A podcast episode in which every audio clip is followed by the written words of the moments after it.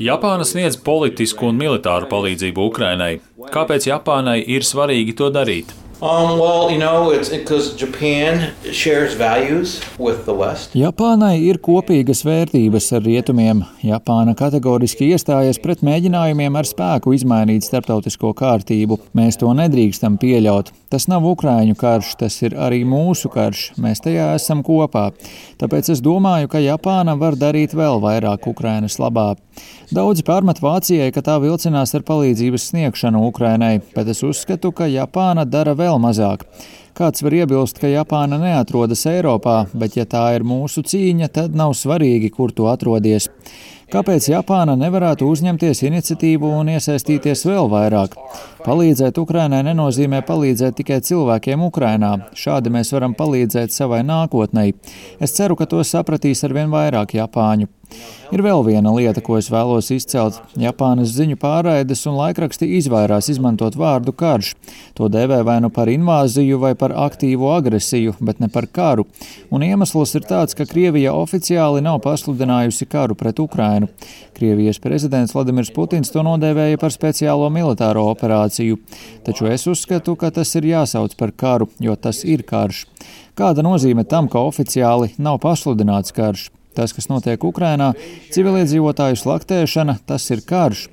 Manuprāt, ir būtiski saukt lietas īstajos vārdos. Es vēlos, lai Japānas mediji to pieņemtu un neslēptos aiz juridiskiem terminiem, bet sauktu lietas īstajos vārdos. You know, Uh, Japānas bijušais premjerministrs Joshiro Mori pagājušajā nedēļā mudināja valdību nesniegt pārmērīgu atbalstu Ukrainai, jo viņš uzskata, ka Krievija šo karu nezaudēs. Vai Japānas sabiedrībā ir izplatīts uzskats, ka palīdzēt Ukrainai ir bezjēdzīgi? Is, is okay, Mori ir bijušais premjerministrs un viņš tikai izsaka savas domas. Teiksim tā, viņš nav pazīstams ar dziļu intelektu.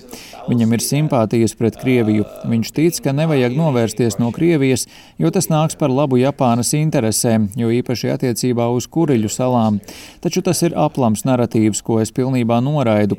Mums nevajadzētu novērtēt par zemu Krieviju. Ko gan Krievija varētu iegūt, ja tā atdotu Japānai Kuriļu salas? Neko. Putins ir nacionālists un viņš to nedarīs, tāpēc mums ir jādomā par Japānas ilgtermiņa interesēm. Bet es piekrītu Morī kungam tajā, ka Ukraina nevar gūt uzvaru karā bez turpmākas palīdzības. Es esmu realists. Jaunākie ziņojumi rāda, ka Krievijas ekonomikai klājas diezgan labi, tā nesamazinās. Turpretī Ukrainas ekonomika ir sarukusi par 35%. Krievija ir daudz lielāka valsts. Ja karš ievilksies, tad Krievijai būs priekšrocības. Es nevēlos noniecināt Ukraiņus, jo es izjūtu visdziļāko cieņu pret to, kā viņi cīnās par savas valsts brīvību, bet fakti ir skarbi. Tāpēc mums ir jādara viss iespējamais, lai Ukraina varētu pārvarēt savus trūkumus un uzvarētu karā. Es vēlreiz uzsvēršu, ka šī ir arī mūsu cīņa. Kāds diplomāts man jautāja, vai rietumiem būtu jākaro ar Krieviju. Es atbildēju, ka vislabāk būtu no tā izvairīties, bet es nevēlos dzīvot pasaulē, kurā Ukraina ir daļa no Krievijas. Tāpēc, ja vajadzēs izliet savas asinis, tad lai tā notiek. Tas nav labākais scenārijs, bet tas var būt nepieciešams mūsu vērtību un demokrātijas nākotnē.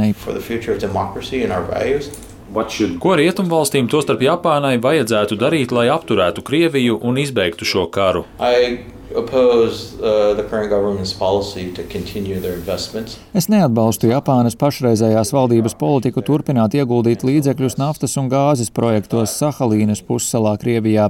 Es uzskatu, ka tam nebūs pozitīvs iznākums. Tādas rietumvalstu enerģētikas kompānijas kā Exxon un Shell ir pametušas Krieviju un samierinājušās ar zaudējumiem, bet Japāna to nevēlas darīt, jo šajos projektos ir ieguldīti milzīgi līdzekļi. Bijušā premjerministra Sinzo Abes valdība valdība veidoja ekonomiskos tiltus ar Krieviju, un es domāju, ka Krievija teicami apmānīja Japānu.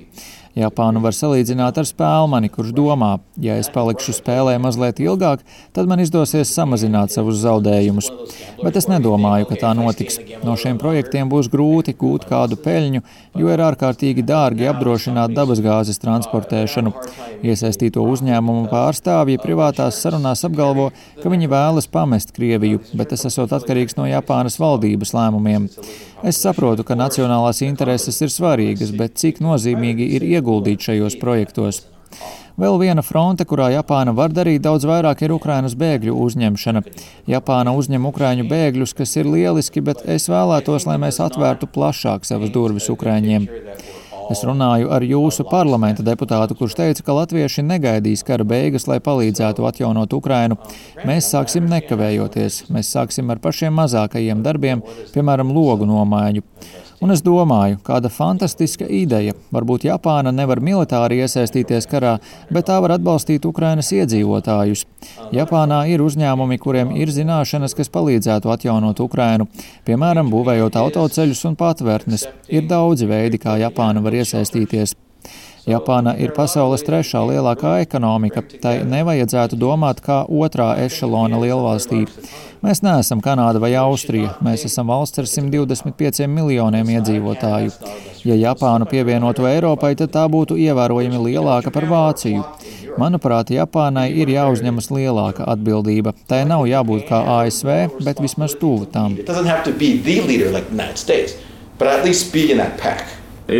Vai Krievija ir draudz Japānas drošībai? I mean, so because, uh, Jā, es tā domāju. Tas ir īpaši uzskatāmi tagad, kad Krievija savas intereses saskaņo ar Ķīnu. Krievijas okupētās kureļu salas var redzēt no Japānas teritorijas, uz tuvākajām var aizpeldēt. Bet Japānas kara kuģi nevar pārvietoties šajos ūdeņos, jo Krievija pirms dažiem gadiem kureļu salās izvietoja raķešu baterijas. Tāpēc Krievija pilnīgi noteikti ir draudz, un es esmu pārliecināts, ka viņu izlūkdienesti darbojas Japānā. Mēs pilnīgi noteikti neesam līdzīgi domājošas valstis, un ir jāapzinās, ka Krievijai apvienojot spēkus ar Ķīnu, mēs iegūstam ļoti bīstamu pretinieku. Parunāsim par Ķīnu. Cik bažīga Japāna ir par Ķīnas agresijas pieaugumu un draudiem pielietot militāru spēku pret saviem kaimiņiem? Because China only gains by challenging the status quo. Es domāju, ka tas ir sagaidāms, jo Ķīna var gūt labumu tikai tad, ja tā izaicinās pastāvošo starptautisko kārtību.